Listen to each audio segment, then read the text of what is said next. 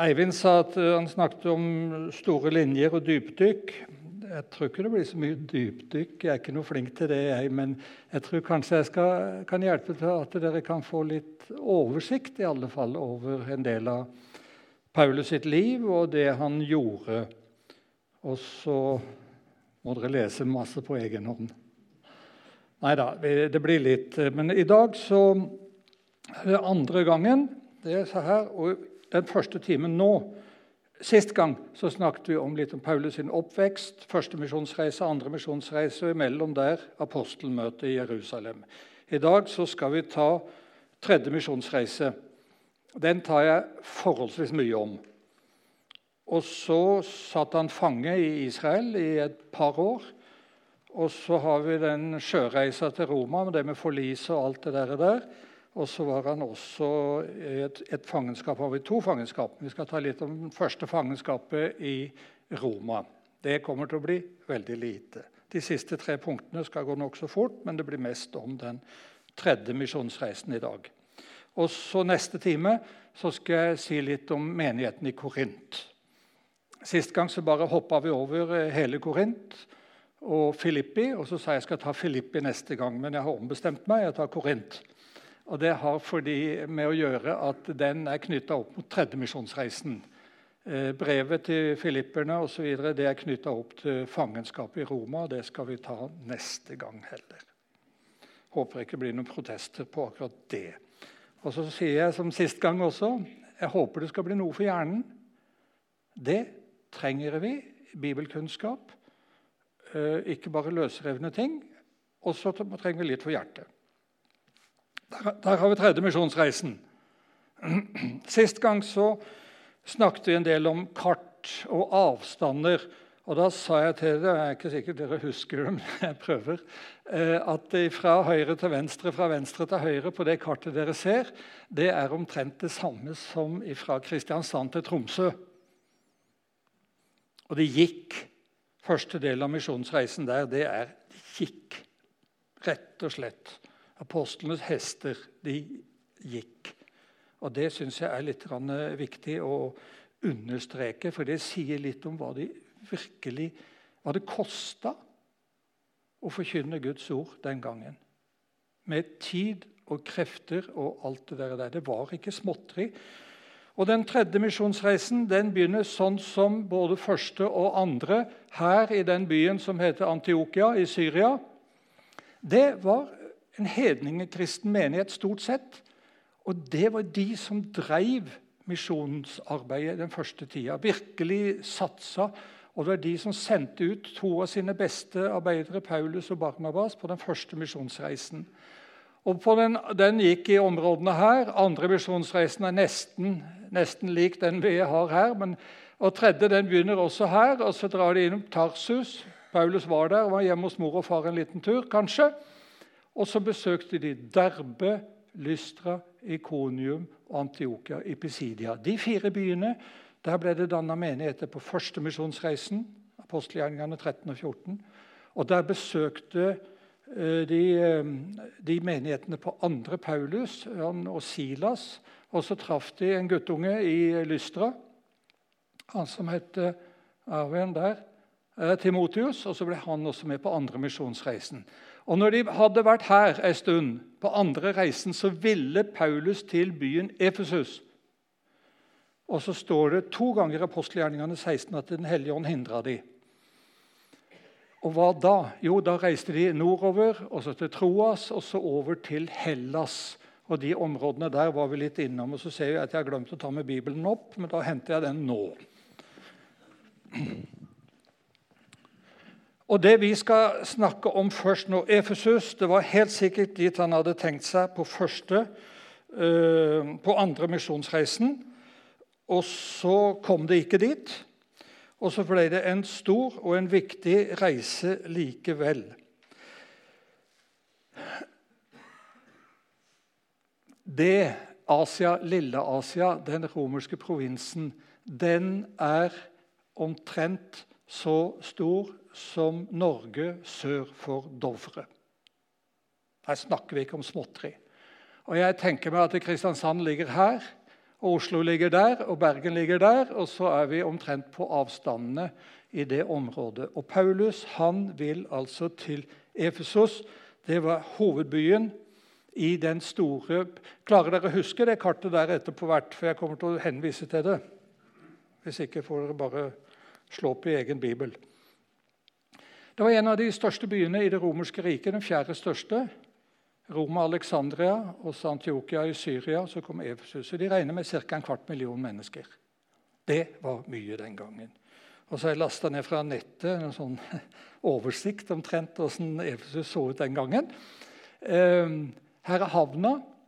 De hadde ei veldig god havn, vinterhavn, der båtene kunne ligge i opplag når vinterstormene herja. Det var utover her og ut til storhavet her nede. Eh, her var markedet, den nedre markedet, og her oppe var det øvre. Her var det juristene. Der ja, nå skjedde det som skjedde tidligere i dag. Der var den tilbake igjen, ja. Hvis dere må kikke fort, for plutselig så forsvinner det. Spare litt strøm. Her satt eh, jurister og dokumenter og alt mulig sånne flotte ting. Og så går hovedgata nedover til det vanlige markedet for vanlige folk. Der tror jeg Paulus uh, gjorde ganske mye. Det teatret, er det Mange av dere som har vært i Efesus? Opp med hendene. Se her, ja. Der er uh, teatret, som vi ser veldig flott også i dag. Plass til 25 000 mennesker. Og der borte, egentlig enda litt lenger, tror jeg, der sto det berømte tempelet til den store gudinnen i Efesus. Artemis, fruktbarhetsgudinnen. Der var det tempelet. Og dette var altså en fenomenal by og en viktig by. Eh, for, ja, Det var viktig for alle, for å si det sånn, men også for Paulus. Han ville vinne den byen for Jesus. Og han blei i Efesus i nesten tre år. Det var ingen plasser han var så lenge på et sted som i Efesus. Han eh, begynte som vanlig. Som vanlig. Han gjorde alltid det der hvor det var. Han begynte i synagogen. Han gikk til sitt eget folk, forkynte evangeliet til sitt eget folk. Og Noen ble omvendt, og noen ble det ikke. Og Etter tre måneder så ble det en del motstand mot Paulus. Og Da bryter han med dem, og så begynner han med det beste han gjorde i hele sin tid. Det var feil. jeg vet, finner ikke ordet. Han begynte med noe nytt. Han begynte å drive skolevirksomhet. Ja. Kristne skoler. Nå kan dere gjette hvorfor jeg er veldig opptatt av det, men det, er ikke bare derfor. Det er ikke bare derfor. Da skal dere få høre. Tyrannerskolen står om den. Ja, Det står at han hadde skilt med de eh, i eh, synagogen osv. Og, og siden ga han hver dag undervisning i skolen til Tyrannos. Dette fortsatte han med i to år, slik at alle som bodde i Asia, fikk høre Herrens ord, både jøder og grekere. Alle skal vi kanskje ikke presse dette på individnivå. Hele den rosa provinsen som dere så, Norge sør for Dovre, ble evangelisert på de to årene. Og det er ingen tvil om at det var de ungdommene som han fikk ha på skole der i Efesus. Kanskje Ingen veit hva den skolen er. De tror det er en en eller annen som drev med retorikk og sånn. Om ettermiddagen eller midt på dagen når det var veldig varmt, så kanskje han herre profeten Paulus fikk lov til å låne eh, lokalene. Og Så underviste han disse ungdommene, og så sendte han de ut til byene i den store provinsen. Og så ser jeg for meg, jeg har ikke noe grunnlag for det bibelsk, men mens de var ute, så fikk han neste kull inn og underviste de. Og Når de herre som har vært ute, har vært ute noen måneder eller et eller annet, og kommer tilbake, ja, så sender han det der kullet som han har hatt, og så driver han på sånn i to år. Og hele den provinsen ble evangelisert på den tida. Det skal vi ha i mente. Og så vet vi ingenting om hvem han Tyrannos var. Vi gjør ikke det. Jeg har dikta litt i den boka jeg har der ute, men Og så skjer det store helbredelser i den tida Paulus er der. står skildra dette i kapittel 19 i, i apostelgjerningene. Helbredelser skjer, undergjerninger. Og så er det noen som vil ta et oppgjør med sitt gamle liv. Mange av dem som var blitt troende, kom for å bekjenne og fortelle hva de hadde gjort. De som har rekt opp hendene og sagt 'jeg vil tro på Jesus'. Så sier de det er noe mer. Jeg må fortelle om mitt gamle liv og bekjenne hva jeg har gjort. Jeg vil bekjenne det for mennesker, jeg vil bekjenne det for Gud for å få tilgivelse. De kom for å bekjenne det de hadde gjort, og så gjorde de ikke bare det heller. Og ikke så få av dem som hadde drevet med svartekunster, okkultisme altså. De som hadde drevet med svartekunster, kom med bøkene sine og brente dem mens alle så på. Og verdien av dem ble regnet ut til å bli til sammen 50 000 sølvpenger. Og slik fikk ordet framgang og styrke ved Herrens makt. 50 000 sølvpenger, en dagslønn for en vanlig arbeider var én sølvpenge. 50 000 dagslønner. Så kan dere som har med kalkulator, sitte og regne ut hva det ville vært i dag. Det var noen som sa vi har noe hjemme hos oss som vi ikke kan ha. Vi som er kristne, vi kan ikke ha det lenger. Vi må få det vekk. Og så brant de det opp. Første året mitt på Trottenborg, det er lenge siden, men da var det noen av guttene som sa det en del av den musikken vi har, den kan ikke vi ha. Og Så lagde de et bål utafor det ene internatet på Drottningborg, og så brente de opp alt sammen. Jeg var 25 år på Drottningborg. Den vinteren var den største vekkelsen jeg opplevde på mine år der. Jeg tror det hadde noe med de ungdommene å gjøre som tok et oppgjør med noe av det de hadde i hyllene sine. Og vi kan ikke ha det. Og det gjorde de i Efesus òg. Slik, står det, fikk ordet framgang og styrke ved Herrens makt. For noen tok et oppgjør og sa det at vi kan ikke ha det sånn. Når det blir vekkelse, så er det også noen andre ting som skjer. Iallfall i Efesus. De som solgte amuletter av gudinnen av hun Artemis. De som hadde laga noen små sølvgreier av selve tempelet. De tjente grovt på det salget. Både av turister og sjøfolk og byens innbyggere. Og alt det der. Og der. Og så blir det vekkelse, og så skjer det noe i byen. Og så daler forretningen til disse folkene her. Og Så kommer de sammen, en som heter Demetrios, får med seg noen. og så og så sier de at nå går det nedenom og hjem. Vi går konk. Men det nytter ikke å servere til folk her i byen av vi går konk. for det er det ingen som bryr seg om. Nei, vi må finne på noe bedre. Og så begynner de å si de der folkene der, og peke på de kristne. De snakker stygt om vår gudinne. De ødelegger hennes rykte, hun som vi er så stolte av. Vi må få dem vekk, de der folkene. Og så blir Hele byen står det omtrent, så kommer ned og samler seg nede i det teatret. Tjukt av folk nede der, og de hyler og skriker at 'stor er Efesernes Artemis' osv. Så så sånne ting. Og de tar et par av disiplene til, eller vennene til Paulus, en som heter Gaius, en som heter Arestarkos. De tar de og sleper de bort til teatret, og antageligvis har de tenkt å ta livet av dem. Og Paulus han er i ferd med å springe bort og prøve å rydde opp, men de en, de hindrer ham, står det, å springe dit bort, for de var redde for hva som kunne skje med Paulus der borte. Det er ikke noe bare sånn jeg kommer med noen plakater 'Vi er imot de kristne' eller et eller annet. Her er det skikkelig alvor. Og så får de sendt bud opp i øvre bydelen til bymyndighetene. Og så går ryktet om at det som skjer der nede i nedre bydelen, så sender de ned folk for å få roa ned situasjonen. Og Dette kan dere selv lese om i kapittel 19 i Apostlenes gjerninger. Og så klarer myndighetene de får sagt det at vi er et sivilisert folk. Og hvis dere har noe å anklage de kristne for, så kom opp der oppe. Så vi har eh, dom, dommere og folk som kan ta seg av dette. Gjør det. Vi driver ikke på her nede i teatret. Og så blir det ikke noe mer ut av det. Jeg tror det var ganske tøft. Paulus han skrev første korinterbrev han, mens han var i Efesos. Jeg skal lese et lite greie helt på slutten av første korinterbrev. I Efesos, sier han. Han har tenkt seg til Korint. I Efesos blir jeg til pinse.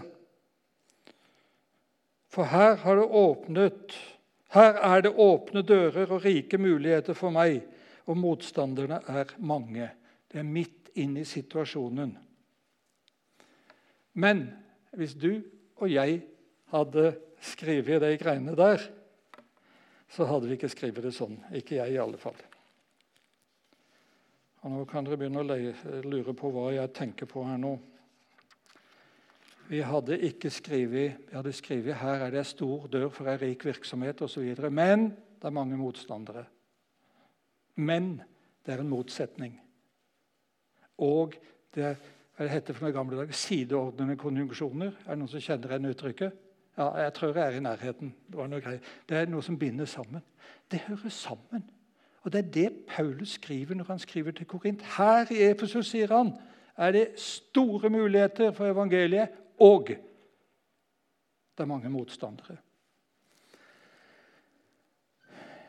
Kanskje vi burde bli litt redde hvis vi ikke møtte motstand.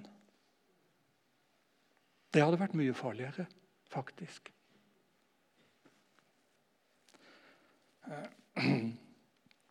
Vi skal ta noen flere glimt. Paulus han skriver i slutten her eh, Dette her står også at han hadde tenkt seg til Roma, sier han. han etter det som nå var fullført, bestemte Paulus seg for å dra gjennom Makedonia og Akaya. Akaya det er søndre del av Hellas.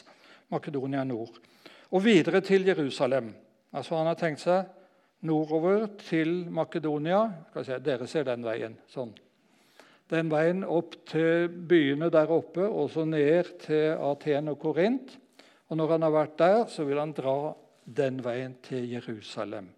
Og så sier han og videre til Jerusalem. Og når jeg har vært der, sa han, så må jeg også reise til Roma.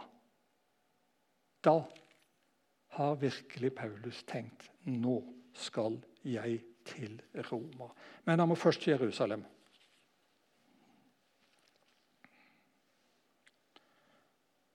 Noen, nå skal vi ta det litt uh, kort, noe av det her. De første stedene han eh, besøker der oppe, det er da Filippi igjen, og så er det vel Tessalonika, kanskje det er Apollonia og de Amfipolis, de byene som er nevnt så vidt der, og en del av disse. Og I Tessalonika, som han var og ble jagd fra byen, Berøa der ingen jagde, eller ikke folkene de ville ha han, men han måtte flykte derfra også. Og Så sier han der, når jeg er der oppe, sier, så skal jeg samle inn en pengegave. Skal vi snakke litt mer om i neste time. Eh, en pengegave til de fattige i Jerusalem. Det vil han sende, det vil han samle inn og ta med til Jerusalem. Og Mens han er der oppe i, eh, i Makedonia, så skriver han også andre korinterbrev. For da, da har han fått besøk av Titus og noen som har vært i Korint og kommer med beskjeder åssen det var der. og litt sånn, Så skriver han andre korinterbrev. Og Så besøker han Aten. Og så besøker han Korint igjen. Og mens han var i Korint Han var tre måneder der nede. Og Da skriver han også romerbrevet. Og Da skriver han at jeg skal ikke bare til Roma, men han skriver til romerne. I kapittel 15 i romerbrevet så sier han at jeg har en kjempeplan. Nå er jeg ferdig her i disse områdene, og jeg kommer til å komme, jeg vil komme til dere i Roma.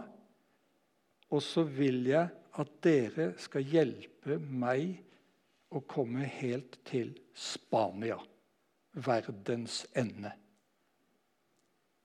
Og For å forberede dette da, så skriver han romerbrevet. Det er den konkrete bakgrunnen for romerbrevet. Jeg skal først til Jerusalem med en pengegave, men så kommer jeg til dere i Roma, og jeg forventer, han ønsker, at de skal være med å utruste han, som han skriver, til den kjempemisjonsreisen til verdens ende. Det som da en gang var verdens ende. Men jeg må først til, må først til, Roma, nei, unnskyld, til Jerusalem, sier han. Og så skal jeg komme til dere. Og så reiste han til Jerusalem. Nå er Lukas med. Nå er Lukas med i hele apostlenes gjerninger. Fra nå er vi i kapittel 20 i apostelgjerningene. Turen til Jerusalem osv. Og, og hva skjedde når han kom til Jerusalem? Da ble han tatt til fange på tempelplassen. Jeg ser ikke den klokka, jeg, for jeg får så motlys. Jeg skjønner ingenting, men sånn er det. Eh, nå går vi til Jerusalem. Her har dere vært mange. Jeg skal ta veldig kort for de som ikke har vært Dette er tempelplassen her. Her står tempelet. Se på folkene, se hvor små de er. Her var ene hovedgata gjennom Jerusalem. Og Noen av dere som har vært i den arkeologiske parken eller utgravinga her, der vil dere se de inngangene opp underjordisk opp til tempelplassen. Vi kan ikke gå i de nå til dags, men det, eh, restene etter den trappa inn her, ikke selve trappa her, det ser vi ennå. Og her borte er det som vi kaller for klagemuren. Det platået der oppe det var på størrelse med en 18-20 fotballbaner. Så det er digert. Og her borte det var en borg som heter Antoniaborgen. Der satt romerne, romerske soldater og kikka utover tempelplassen om det foregikk stille og rolig, eller om det var noe bråk utpå der. Der satt romerne og holdt til. Og så når Paulus har vært kommet til Jerusalem Han har overrakt pengegaven. Han har rensa seg, og så går han opp på tempelplassen. Vi vet ikke akkurat hvor han var hen her. Så blir det bråk. Skikkelig spetakkel blir det. Det er noen som begynner å rope da de sju dagene var nesten gått da jødene fra Asia fikk se ham på tempelplassen Det er altså jøder fra Efesus-området, eller iallfall fra provinsen Asia. Fikk se ham der. Og de hisset opp hele folkemassen og grep tak i ham og skrek. Israelitter, kom og hjelp! Her er mannen som overalt lærer alle Som lærer alle slikt som er imot folket. Han lærer sånn som er imot folket vårt. Og han lærer sånn som er imot loven. Og han lærer imot dette stedet her. Nå har han til og med tatt med seg grekere inn i tempelet og vanhelliget dette hellige stedet. Her blir han altså alt gærent. Han har snakka mot jødene, han har snakka mot uh, tempelplassen og tempelet og Moseloven og alt sammen, sier de. Og så har han dratt med seg en hedning oppi her og dratt den inn her. Det siste var bare tull. Han hadde vært i byen her, Paulus, sammen med en fyr. Han hadde vært i byen sammen, hadde ikke tatt han med opp der. Paulus var jøde, han visste hva han hadde lov til og ikke lov til.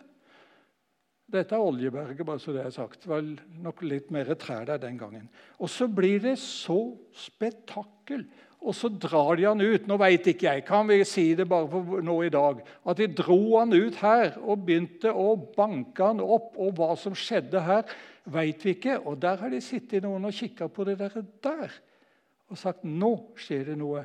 Og så springer de ned, og så kommer de her ned. Og så tar de tak i Paulus og så spør de hva han har gjort for noe, han her. Og så roper de og så skriker de, og så er det bare kaos. 'Vi får ta han inn', sier de, og høre hva han har gjort. Så drar de Paulus inn her. På trappa fikk han lov til å tale til folket. Det gikk ei bra ei stund, men uh, ikke så veldig lenge. Så bare 'Få han vekk fra jordas overflate', ropte de. Så drar de Paulus inn, og så sier kommandanten der i borgen Legg han på en benk og begynner å piske han, så får vi høre hva han har gjort. De trodde han var en terrorist eller noe greier. Og så han offiseren som fikk ordre om det, han legger Paulus ned. Og så står de klare til å begynne å slå. Og så ser Paulus på dem. Har dere lov til å piske en romersk borger som ikke har fått en dom?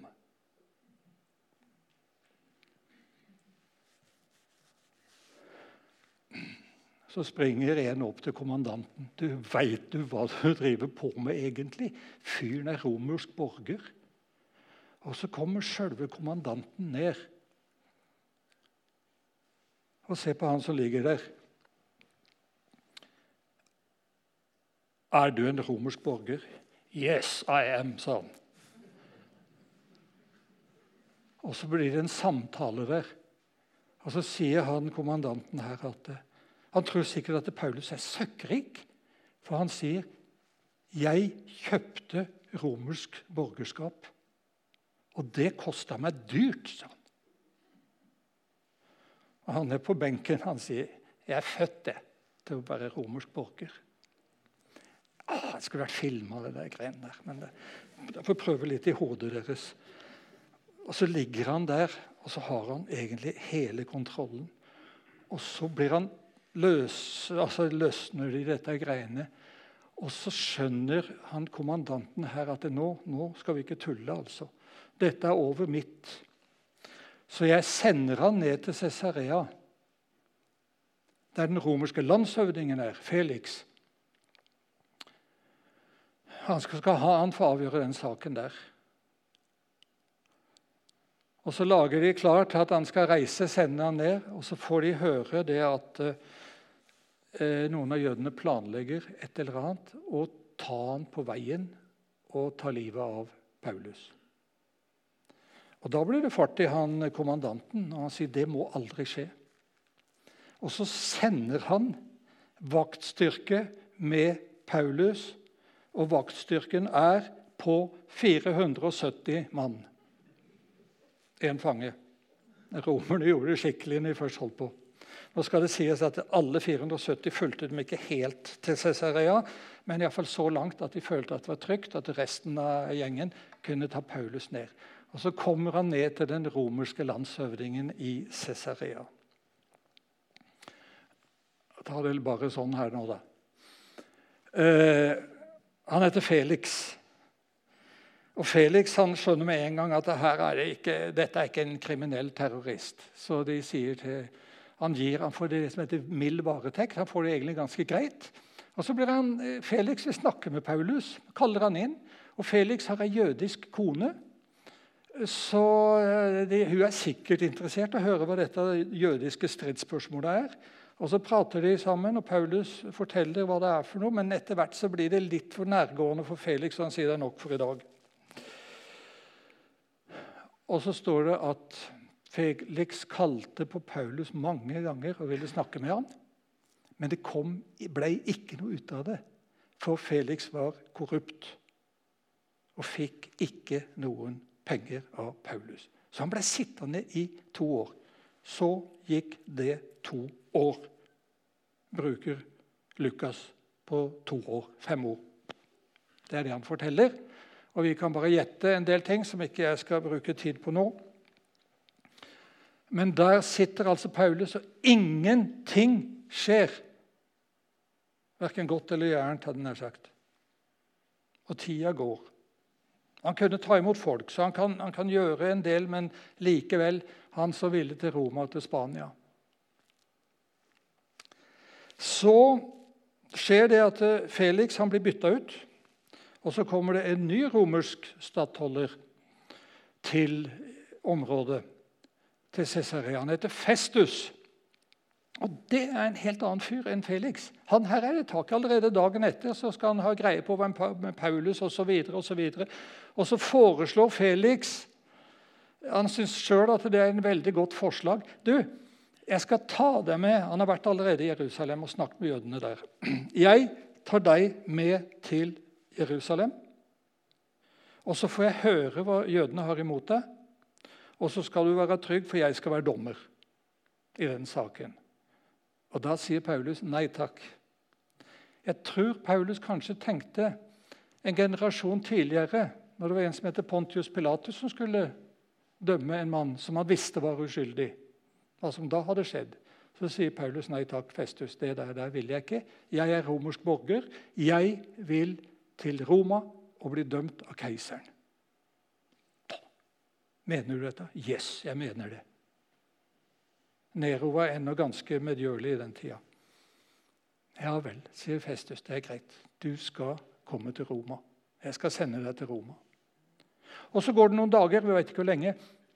Så kommer en av kongene i, eh, en jødisk konge i nord litt sånn under romernes beskyttelse, som heter Agrippa. Den andre han kommer for å ønske den nye stattholderen velkommen. og alt det der, der og Så sitter de og praker, prater, så begynner festet. Så sier de, jeg har en, eh, Agrippa er jøde. Eh, jeg har en uh, fyr her. Det er noe greier med jødene. og Han der fyren han, han sier det at det er en fyr som heter Jesus. Han er død, men så er han ikke død likevel. Det var i grunnen det Festus hadde skjønt. Paulus sier han lever. Og dette er bråket, øh, sier Agrippa. Han har hørt noe, han. Hva som skjedde omtrent da han ble født i de tidene. Han har hørt om noe greier i Jerusalem. Og så sier han det. Han fangen der han skulle jeg likt å møte. Nei, du skal få møte han i morgen, sier Festus. Og så trommer han sammen hele halve byen, offiserer og ledende i byen. Og, og han, Agrippa kommer med dama si Berenike. Det var ikke noe greit det forholdet der, men det er en annen sak. Og så trommer de sammen inn i, inn i salen i byen. Og så begynner da Så sier uh, Festus til Agrippa nå kan du få ordet. Og Agrippa sier nå får vi høre Paulus, hva du har å si. Og nå er, i, nå er, vi kommet i kapittel 25 og 26 og så videre, i apostelgjerningene. Agrippa sa det til Paulus. Du har tillatelse til å legge fram din sak. Og I kapittel 26 i apostelgjerningene er den fenomenale talen som Paulus holder til Agrippa. Og de andre, selvfølgelig. Og Han kommer inn med lenker, står det. Jeg vet ikke hvorfor han hadde lenker. Det hadde han ikke hatt på den, de to årene, kanskje. Så kommer han inn med lenker, og så står han midt nede i salen. Han står nede her, og dere sitter oppover sånn. Og så er det han som har kontrollen. Og det er han som egentlig er fri. Han snakker litt om disse tingene. Og de andre som, ja, som ikke er det. Og så forkynner han rett og slett evangeliet i sin forsvarstale til kong Agrippa. Og Så kommer han til det med oppstandelsen. Men da, da, da, da han kom til dette punktet med at de døde skulle stå opp osv. Da det kom til dette punktet i forsvarstalen, ropte Festus høyt, står det. Du er fra sans og samling, Paulus. All lærdommen din driver deg fra forstanden. Du er så klok at det har klikka for deg, sier Festus. For han har aldri hørt om folk som står opp ifra de døde. Nå syns han det går for langt. Og så sier Paulus, du Festus, du veit kanskje ikke hva jeg snakker om. Men kong Agrippa, han veit det. Han veit hva jeg snakker om. Er ikke fra forstanden sin. Kongen kjenner til alt dette, og det er til ham jeg taler rett ut. Jeg er overbevist om at ikke noe av dette er gått ham forbi. Det har jo ikke skjedd i en avkrok. Det skjedde i selveste Jerusalem det er for en generasjon siden. Kongen, fest, nei, Agrippa, du veit hva jeg snakker om, sier han. Og Det er da det står om eh, Kong Agrippa sier det like før du overtaler meg til å bli en kristen. Han visste at det Paulus sa, var rett. Men det var så mye som bandt han i livet. Så Agrippa reiser seg, og så går han bare. Han går. Og Så står Festus og Agrippa der ute, og så sier Agrippa det er helt, helt vilt at han er her som skal dømmes. Han er helt uskyldig. Det er feil. Det er ingenting som ligger til grunn for å dømme han mannen der inne, han fangen. Nei, Jeg veit det, sier Festus, men han har anka til keiseren.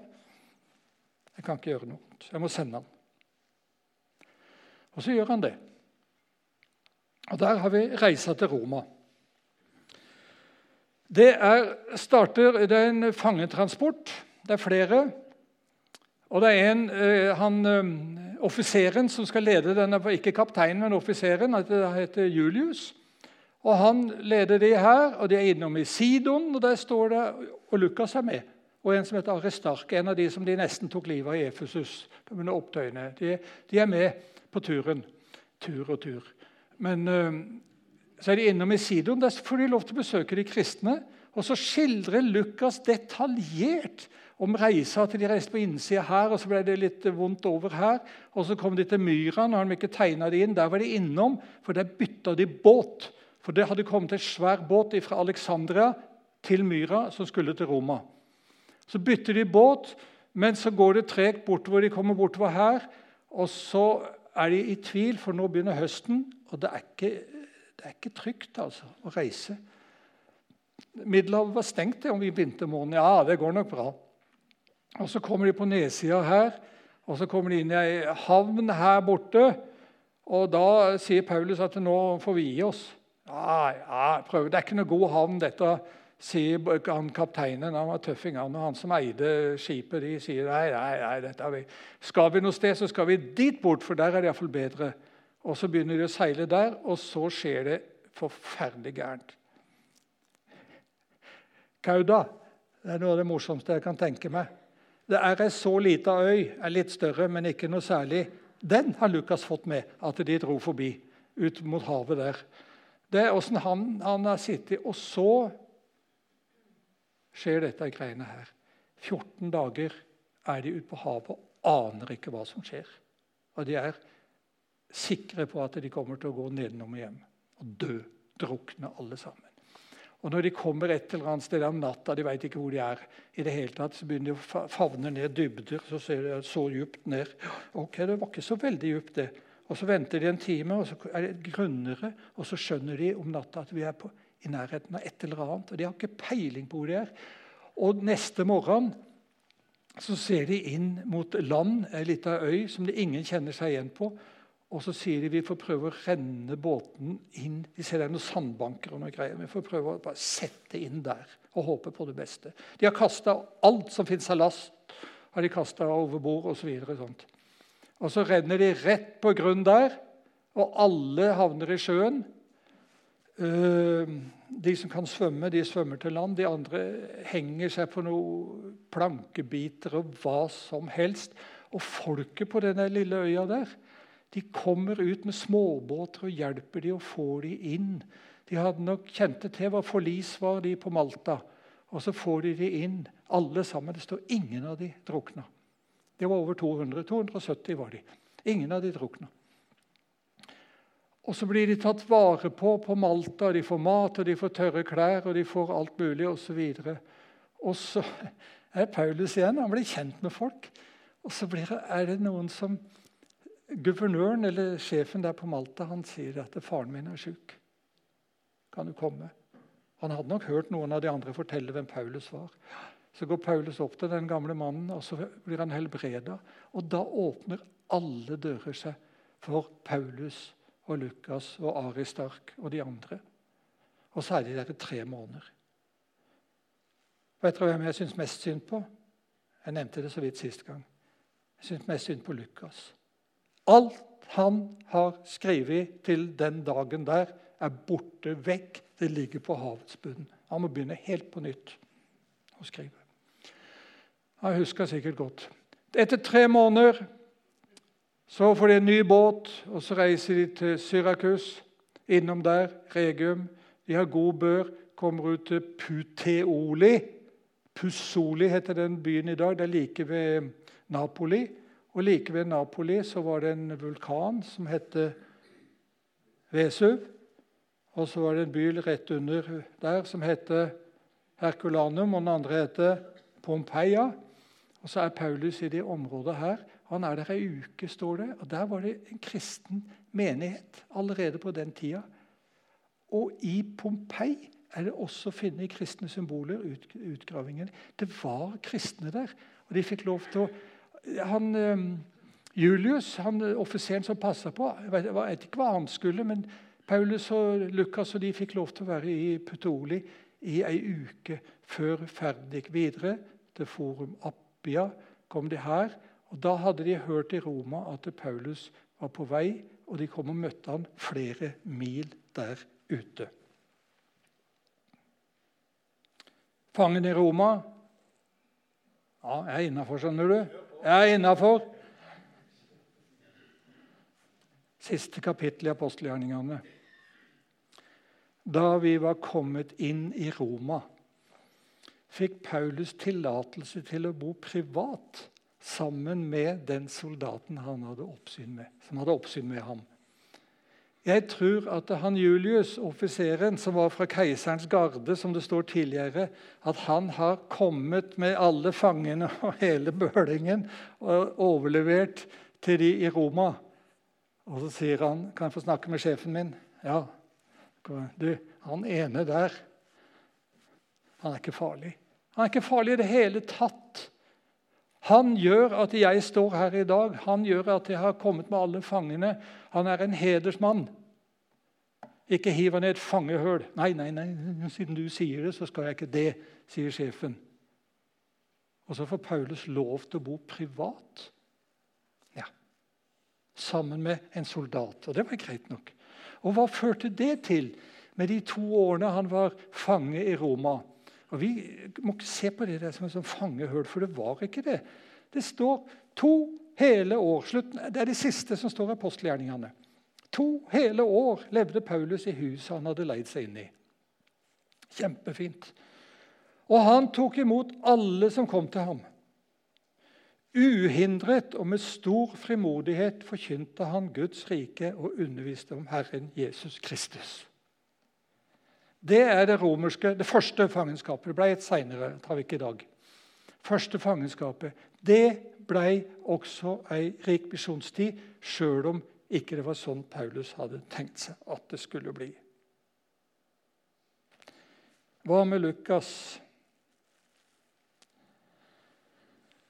Lukas forteller ikke mer enn dette.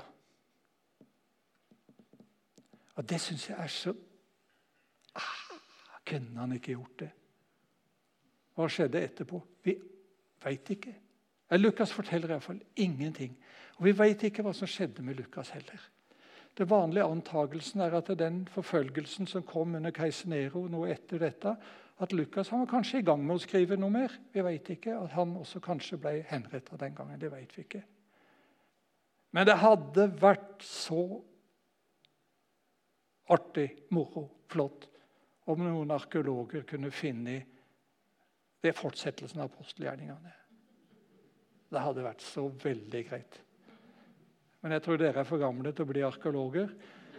Men eh, hvis disse ungdommene som gikk på Drottningborg Jeg sa det til dem, må dere bli arkeologer. Jeg skal få en million av meg, sa jeg, hvis dere finner det. Jeg har ikke fått det ennå. Nå er det friminutt.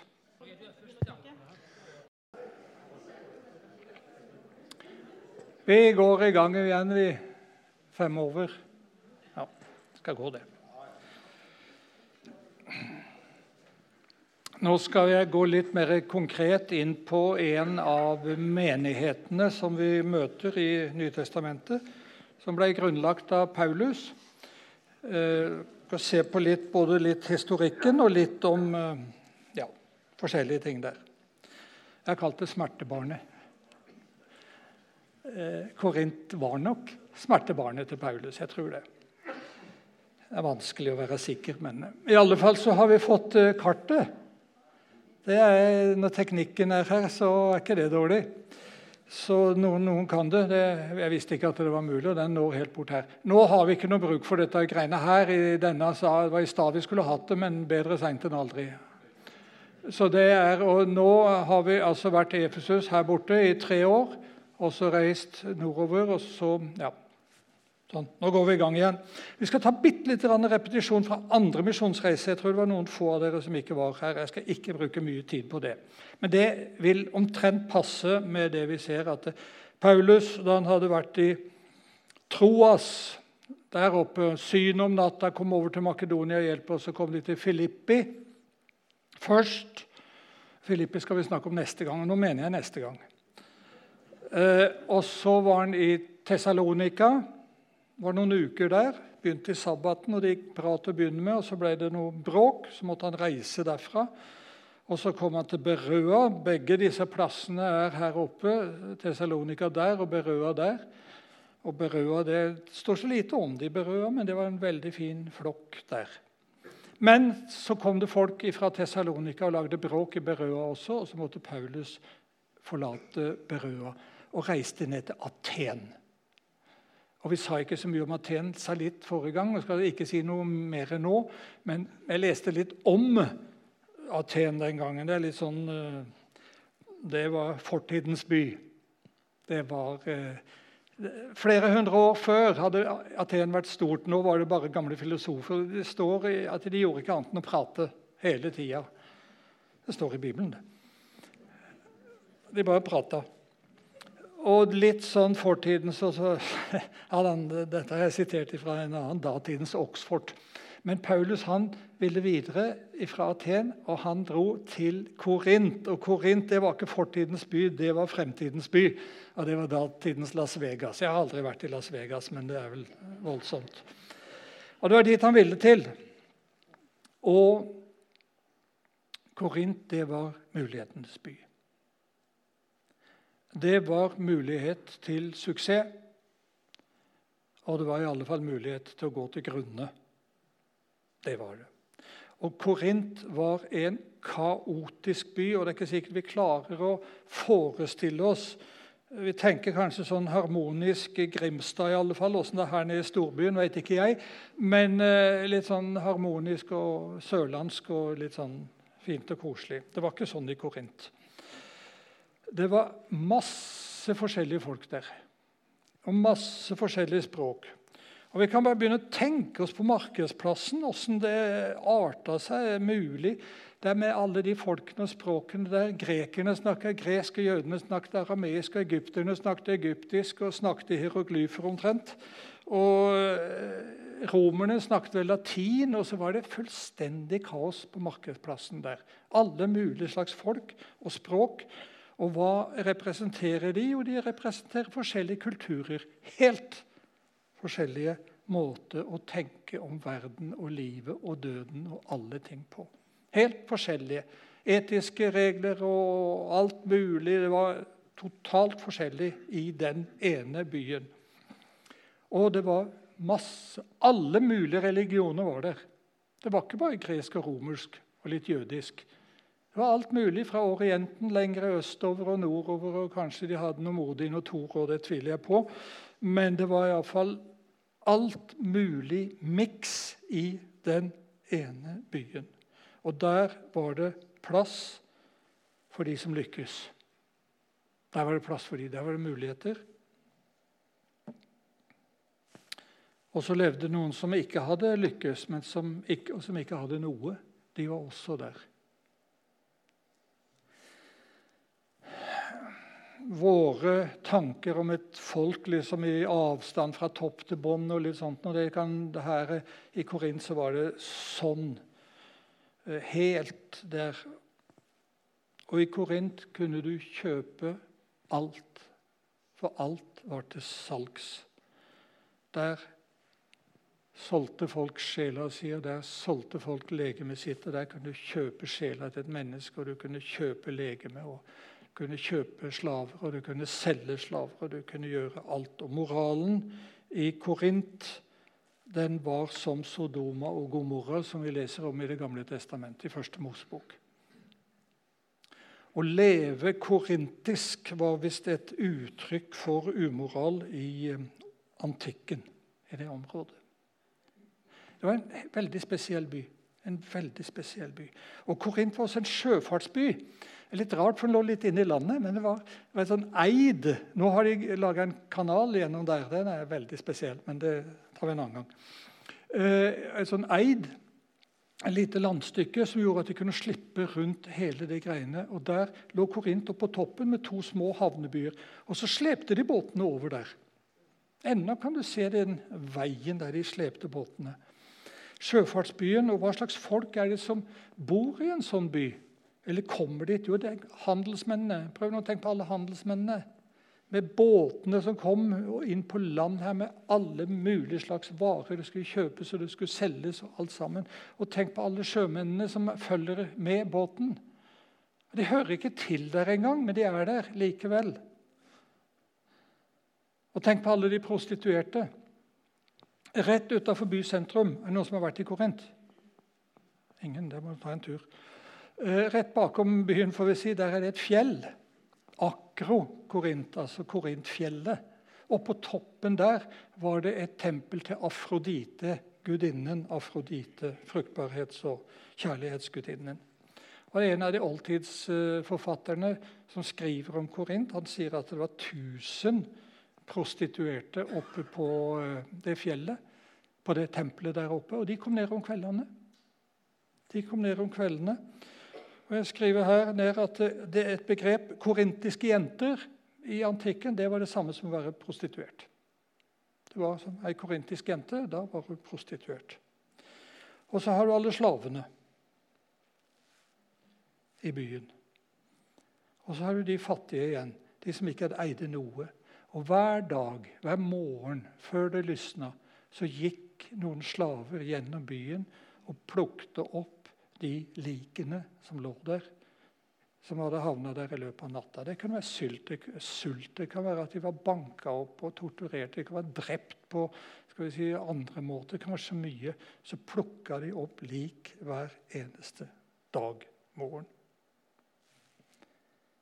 Og så kommer det altså en mann til den byen. Jeg er fortsatt til andre misjonsreisen. Så kommer det en mann til den byen, og så sier han den byen der, den skal jeg vinne for Kristus. Han var optimist, Paulus. Det var fantastisk.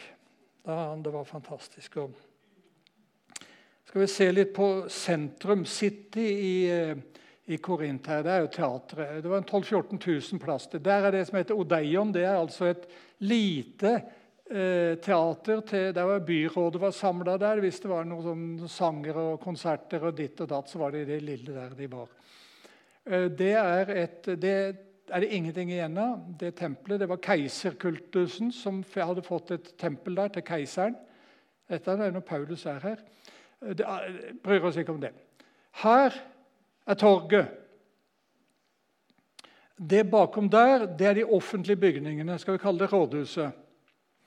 Og midt på plassen her, der som jeg prøver å ramme Jeg skjelver på hendene, men det gjør vel ingenting. Og der, Det er det som heter Bema det er den offentlige talerstolen i Korint. Når noen offentlige personer skulle si noe, et eller annet, så samler det seg folk her. Og så holder han den talen, og det som skal sies, det sies der. Her i området mener de at uh, jødenes synagoge lå. Og Dette er luksusgata, handlegata luksusgata ned til den ene av de der havnebyene. Og Her er den skal vi si, mer vanlige handlegata. Og nå går jeg Jeg tror Paulus holdt det akkurat der. jeg. Men det, det, har jeg aldri fått dokumentert. Men de gangene jeg har vært der, så sier jeg iallfall det var her han holdt det. Og Her også var det sånn boder inn mot torget og litt forskjellig her. Og Der var kjøttmarkedet. Nå er vi i kapittel 8 i første Korinterbrev og spiser offerkjøtt. Det var kjøttmarkedet. og så tar vi ikke mer her nå. Får vi se, Husker dere dette nå? Nei. Nei. Vi er i år 51. Og nå er vi i apostelgjerningene kapittel 18. Det er fortsatt andre der. Paulus kommer alene, rusler rundt, og så treffer han et ektepar. Dette er repetisjonen fra dere som var her sist. Han traff et ektepar som het Akvilas og Preskilda. De var utvist fra Roma. det takker det nå. Og så ble det samarbeid, for de var teltmakere jobber med det. Og Det var Paulus sitt yrke òg, fra ungdommen i Jerusalem. Og Så får de et fantastisk samarbeid, og så begynner Paulus å jobbe hos dem, og kanskje han bodde hos dem også. At de hadde boden sin nede i første etasje der hvor jeg viste, og så bodde de i etasjen over. Og litt sånt. Og som synagogen På sabbaten så gikk de til synagogene. Og Der forkynte Paulus. Og så er det funnet noe der som jeg sa at antageligvis eh, synagogen lå. Det er funnet en stein som er sånn omtrent så lang og så høy og så tjukk. Sånn omtrent. Den er på museet nå, som er i, i, oppe i Korint der. Nei, nå gikk jeg vel litt langt. Jeg skal trykke på den. Det er en gresk G. Å, G. Å-G-E. Gå-G. E-B-R. Hvis det sto syna her, eksempel, så får vi Syna-gå-G og ebr-hebreerne. Den syns jeg er veldig interessant å se. Og den fant de der nede. Det er altså og Korints eh, misjonshus i Kristiansand skilt, antakeligvis, som har vært foran synagogen. Hebreernes synagoge i Korint. Og Dit gikk Paulus og forkynte evangeliet. Og så var det mange som ble vinner for evangeliet, for Jesus. Mange av de ble det. Både jøder og hedninger. Og mens Paulus var der i Korint, så kommer også Silas og Timotus fra Makedonia og forteller om situasjonen der. Og Det var da han skrev både første og andre Tessalonikerbrev. Sendte med Timotus opp igjen og opp igjen med disse brevene. Det nevnte jeg så vidt sist gang. det også. Vi tar ikke det nå, men det er det. Og nå, når Silas og Timotus er kommet ned, så blir Paulus heltidsforkynner. Nå bruker han tida si. Nå legger han vekk eh, nål og tråd og seilduken og det, og så blir han heltidsforkynner. Og i Korint blir det nå vekkelse. Og det blir motstand. Og til og med en av synagogeforstanderne blir, eh, blir kristen. Han, er, han, heter Krispus, og han er også nevnt i 1. Korinterbrev. En av synagogeforstanderne tok imot evangeliet. Men så er det som vanlig. Det blir motarbeidet. Paulus blir motarbeida. Og ikke bare det. Ja, De tålte ikke at Jesus var Messias. Det var blasfemi. Det var det, og Iallfall hvis han var Guds sønn. Det var i alle fall blasfemi. Og de tålte heller ikke at hedningene slapp unna en del av de jødiske eh, lovene og liksom skikkene. Og Nå skal jeg si en setning som jeg var i tvil om jeg skulle, men jeg gjør det likevel. og Så får heller noen bli litt sinte på meg. Rettroenhet, det skal vi ha. Men kald rettroenhet er farlig. Når det er kulden som uh, lyser ut av det. Hvis en blir mest opptatt av lovens bokstav mer enn lovens hensikt, så kan det være farlig. Og Grunnen til at jeg tør å si det, det er det at eh, Jesus tok et oppgjør med fariseerne om akkurat de tingene der. F.eks. sabbatsbudet og en del sånne ting. Jeg tror det er dette Paulus også viser. og Det, det er farlig, altså. Det er farlig i uh, alle sammenhenger når rettroenheten blir slegge. Og det har det vært en del av også i våre sammenhenger. Kanskje det er det ennå. jeg vet ikke. Også Paulus han ble litt motløs, ser det ut for. Det kan vi lese der i apostelgjerningene, at han ble litt motløs. Og Jødene kom og anklaga han for de romerske myndighetene. Ja. Og nå opplever Paulus noe rart. Nå skal vi være klar over at Dette er lenge før det som skjedde i Jerusalem, da eh, Antonia Borgen og Tempelplassen. Dette er andre misjonsreisen. Vi har ennå ikke kommet til tredje. Men da opplever Paulus noe nytt.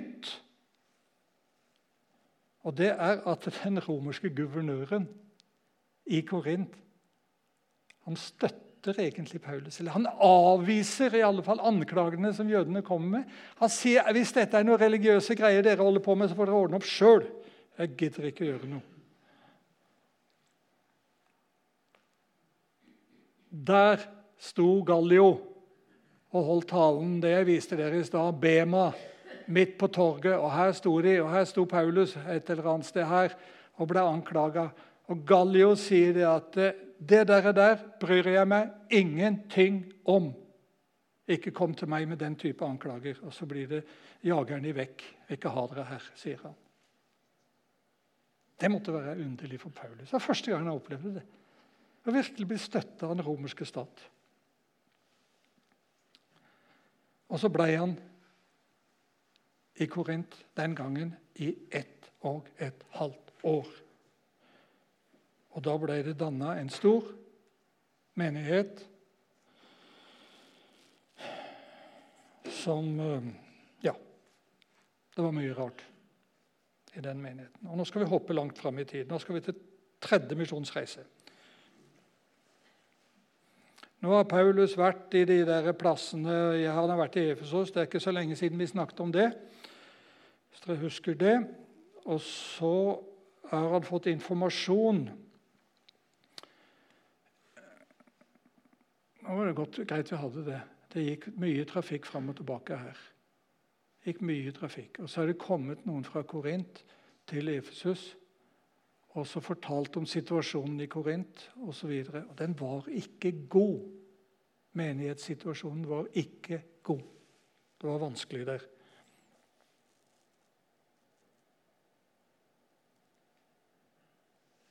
Og så planlegger Paulus å besøke dem. Han må det. Husker dere vi leste ifra 'Jeg blir i Efesos til pinse', og da skal jeg komme til dere. Han, han planla å gjøre det skulle komme til dem og så snakke med dem om det som var problemet. Men han gjør noe før. Han skriver først ett brev, og så et til. Og så kan det bli litt vrient for oss, for første korinterbrev er ikke første korinterbrev. Første korinterbrev er andre korinterbrev.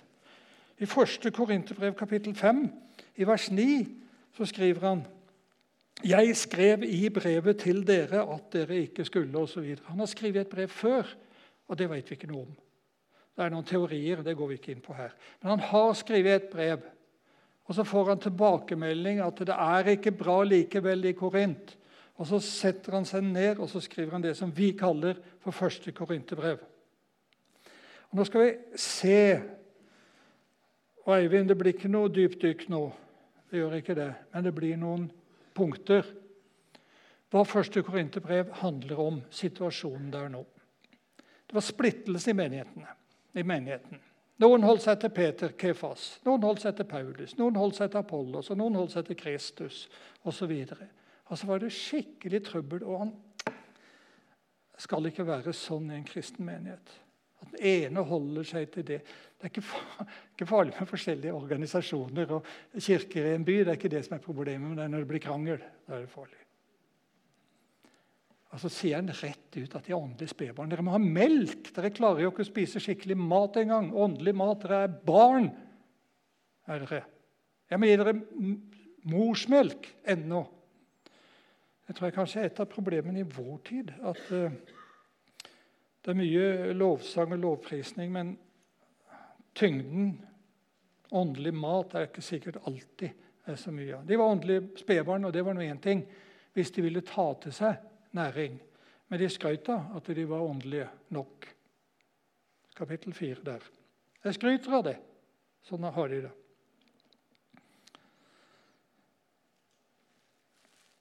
Kapittel 5 er guffent. Det er altså En hører om hor iblant dere. Det var sikkert ikke noe overraskelse. Og det i en form som ikke engang hedningene tåler. Det er altså en i menigheten som ligger med stemora si. Og de skryter av det. Og likevel er dere stolte, sier han. Det er jo ikke noe greit, det er frivillig sak. Og så har du det i menigheten. Det har de. Og de skryter. Og kristne de driver på med rettssaker mot hverandre.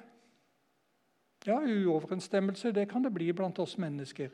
Og så går de til de verslige myndighetene og anklager en kristen bror. Og sikkert ikke bare én gang. Jeg vet ikke hvor mange ganger det er. Første korinterbrev er veldig spesielt. Og så har du kapittel 8. Det kan en kristen spise offerkjøtt. Det som er ofra til avgudene. Der fins ikke avguder, så det er ofra til ingenting. Ja, på en måte så kan de det. For det som er ofra til ingenting, det kan du spise. Men for noen blir dette vanskelig. Det blir Båndene tilbake til hedenskapet blir for nært. Og så sier Paulus jeg spiser ikke sånt. Jeg vil det ikke. Og jeg tror, Offerkjøtt er ikke noe problem for oss, men jeg tror det er en del ting som vi kristne bør si nei til. Sjøl om vi kanskje kan. Jeg tror det er det. Det får bli opp til hver enkelt her. Og så var det trøbbel i forbindelse med nattverdfeiringa, eller det måltidet de hadde i forbindelse med nattverden, agapemåltidet, der noen var rike og satt og spiste og hadde det flott, og de som var fattige, de hadde ingenting. Så klarte de ikke det heller, altså. Så har du standsforskjellen i menigheten, sånn at det stinker av det. Og så har vi kapittel 12 og 14 om nådegavene. De skrøt så veldig av noen nådegaver som var så veldig viktige. Det de kaller de overåndelige eller spesielle nådegavene. Ja, Det var så flott, for det ble det noe sus og sånt noe over. Og virkelig åndens eh, et eller annet. Han, kapittel, han snakker i kapittel 12 om at ett lege med forskjellige lemmer. Og i kapittel 14 så tar han opp helt konkret om nådegaven til å tale i tunger. Og Paulus talte i tunger. Han talte mer enn de gjorde i Korint, sikkert. Han sier det. Men så sier han jeg vil heller tale profetisk, jeg vil heller lære dere Guds ord. Hva han gjorde privat, det er sikkert tungetale som bare det, for å si det på den måten. Det er en nådegave, det òg. Men han sier at jeg vil heller forkynne Guds ord i forsamlingen. Men der var det, der var det, så, det var en del som var så åndelige at de ville ikke høre på ham. Og så har du også en del i Korint som eh, De trodde ikke på at Jesus hadde stått opp fra de døde. Det er ikke helt ukjent i vår tid heller. Det viktige er om Jesus lever i meg, er det noen som sier. At jeg opplever at Jesus lever i meg. Nei, det er ikke det viktigste. Det viktigste er at han sto opp. Men i, Korint var det en del de var ikke så veldig opptatt av det. Bare de følte nærhet til Gud eller et eller annet sånt, og så var det godt nok. Og så videre. Hele kristendommen bygger på Jesu død og oppstandelse. Og Det skriver han mye om i kapittel 15, som vi kaller for oppstandelseskapitlet. Gå gjennom punktene en gang til før jeg skifter over til neste. Dette er en menigheten i Korint. Dette er første korinterbrev.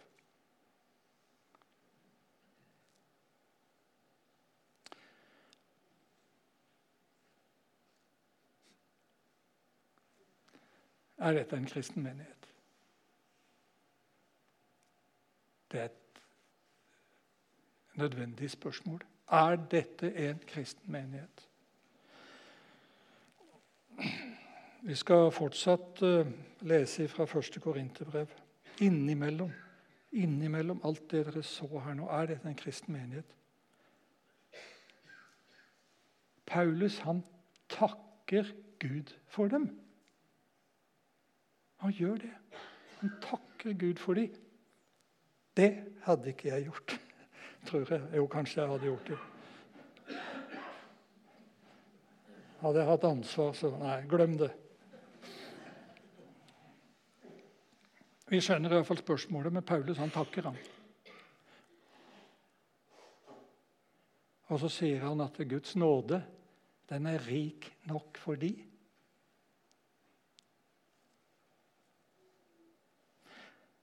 Og så sier han at de er helliget. Og så har de fått Guds ånd flere ganger før.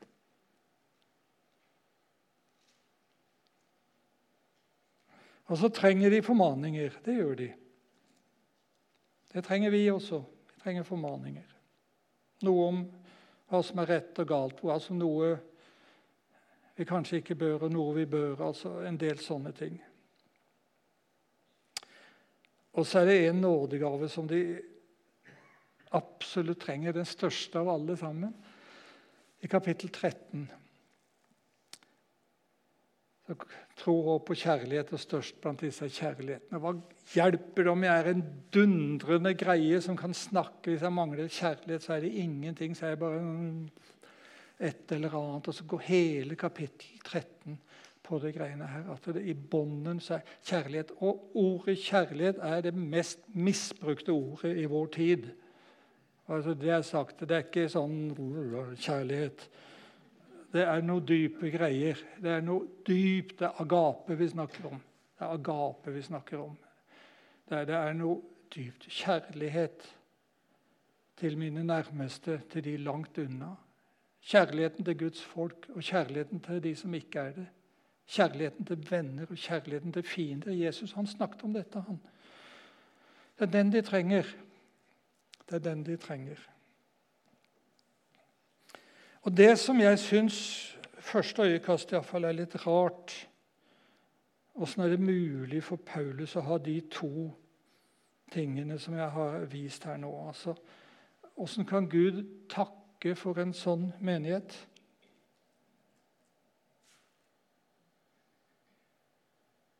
Åssen kan han finne på å takke for en sånn menighet? Og Jeg tror det er fordi han, han ser lengre. Og Nå blir jeg personlig, nå blir det litt til meg, men kanskje litt til dere også. Jeg vet ikke.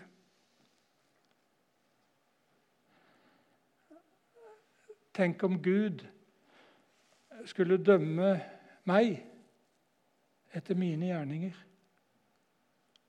Åssen hadde det gått med meg da?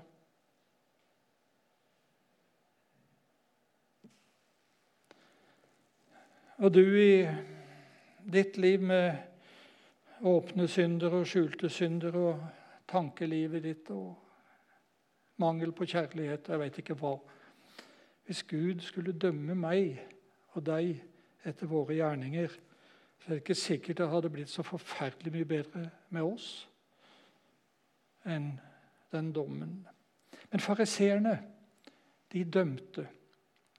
De dømte, og kristne fariseere var litt inne på det i stad. Kan hende de også dømmer oss etter våre gjerninger. Det som jeg tror, ikke bare tror, men jeg er sikker på Hvis vi skal forstå at Paulus kan takke for en sånn menighet, så er det fordi han ser mye dypere, og så flytter han fokus. Han flytter fokus, og du og jeg må flytte fokus fra meg.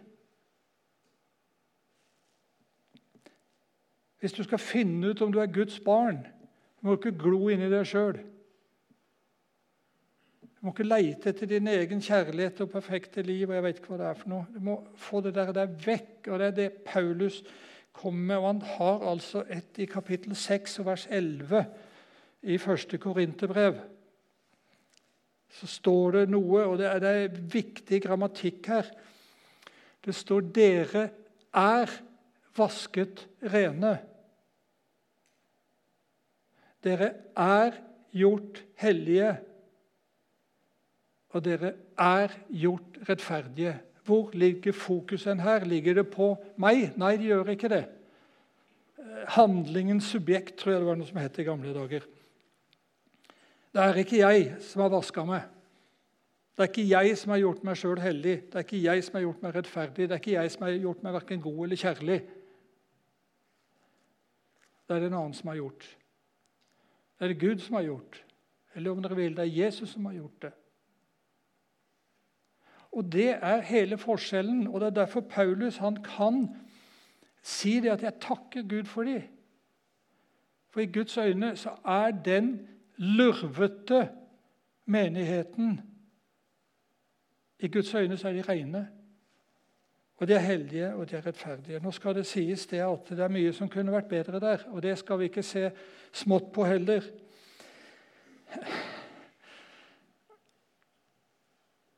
Grunnen til at jeg, jeg liker Korinterbrevet og Korintermenigheten Jeg vet ikke om det var rette ordet.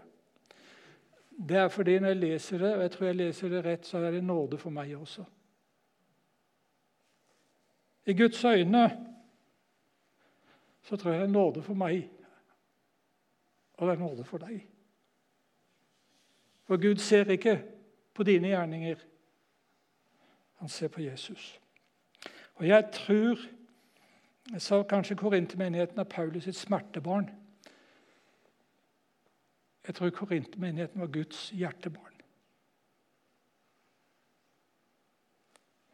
Det er mange her som har foreldre. Noen av dere har sikkert bare vellykka barn. Men det er kanskje noen av dere også som har en sønn eller datter som av forskjellige grunner dere sliter med. Jeg tror kanskje ikke det er, det er det barnet som ligger mors og fars hjerte aller nærmest. Sånn tror jeg det er for Gud òg, og for korintermenigheten. Og dette er evangeliet, Guds nåde. Det er at vi har vaska reine.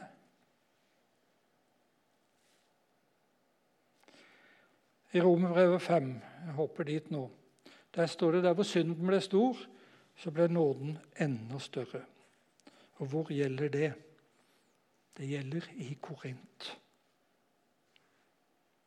Der hvor synden er stor, så er nåden enda større. Og det gjelder til, det gjelder til og med i Kristiansand. Jeg tror det gjelder i Grimstad òg. Ja.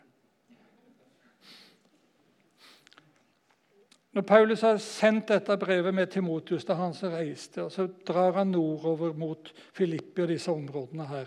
Og Så kommer Titus og så kommer Timotius tilbake fra Korint og så sier de, det skjer noe der. Det skjer noe. Det er ikke alle problemene som er løst, men en del. Noen har bekjent en del av de syndene de har gjort, og de har rydda opp. Titus og Timotus det er ryddeguttene overalt. altså. Det, det, er det. Ta det en annen gang. Det er ryddeguttene som Paulus brukte for oss å få rydda opp.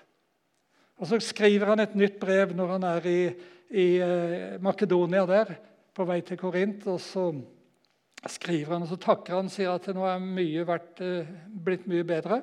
Og Han har tydeligvis vært i Korint på et ukjent besøk. det vet vi ikke noe om. Jeg glem det, glem det nå. Og så er det ryddeguttene sier de har vært i Korint. Og så har de lykkes. Og så har de lykkes. Kanskje ikke med alt. De har ikke lykkes med alt. Og på reise gjennom Makedonia så så samler Paulus inn penger, det som han skulle ta med til eh, Jerusalem. Og nå altså skriver han til de nå andre korinterbrev. Når jeg kommer ned til dere i Korint, så må dere ha gaven klar, for jeg skal til Jerusalem med gaven til de fattige. Må dere ha den klar. Og jeg stoler på dere at uh, dere vil det. Andre korinterbrev, kapittel 8 og 9, det må dere lese på egen hånd.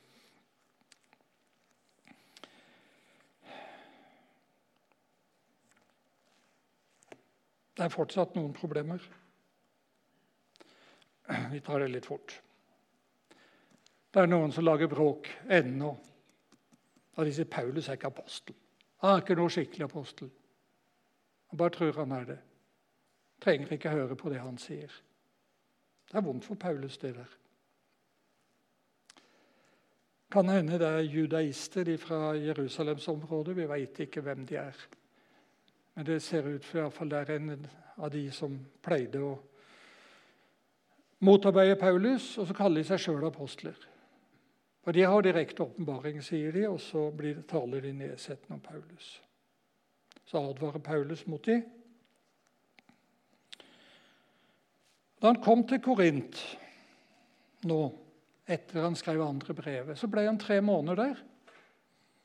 Og Da skrev han også romerbrevet. Og I romerbrevet kapittel 15 så skriver han om det som vi jeg sa i forrige time. Der skriver han om planene sine til å reise til Spania. Men så reiser han til Jerusalem først, og så ble han da tatt til fange og alle de tingene der. Nå skal vi se på noen av kjerneordene i Korinterbrevet. Kan hende du har noen andre, men min nåde er nok for deg. Det var noe som hadde plaga Paulus hele tida, den der tornen i kjødet vi snakker om. Og vi veit ikke sikkert hva det var for noe. Men i alle fall så får han høre at eh, som for alle andre, så er det min nåde, sier Gud, den er nok også for deg. Og for meg. Og for dere. Og så var det det med nådegavene. Alle skal ikke være prest, og alle skal ikke være profet, og alle skal ikke være ditt og datt. Og jeg vet ikke hva. Og det er nevnt en del nådegaver i Bibelen. Jeg tror det fins flere. Og det er én nådegave jeg er helt sikker på at uh, vi kan ta med. Det er nådegaven til å koke kaffe. Det er ingenting i der du bor, som kan være et bedre vitnesbyrd enn å be en venn eller venninne eller nabo eller et eller annet hjem på en kopp kaffe. Det kan være en døråpner. Det kan være en døråpner. Og de som står foran møter når jeg kommer i dag, og så er de som skal lage kaffe, koke kaffe og sånt. Når blir de rost?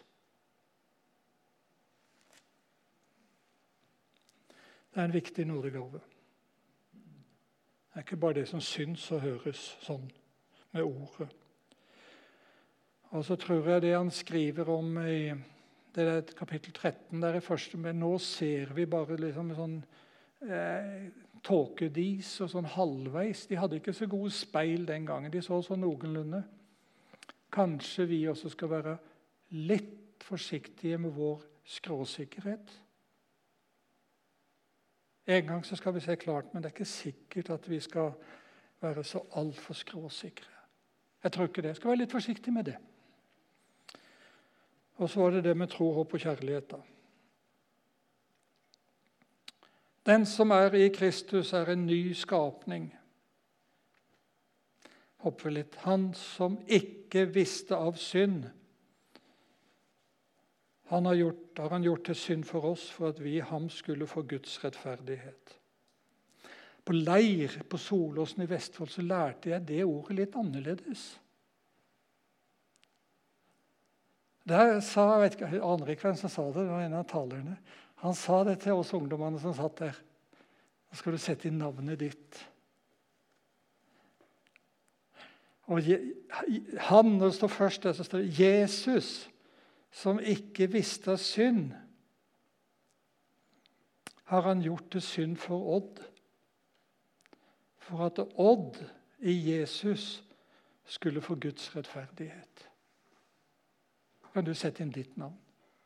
Og så er det også en del av Korinterbrevene fra Paulus. Kjære Jesus.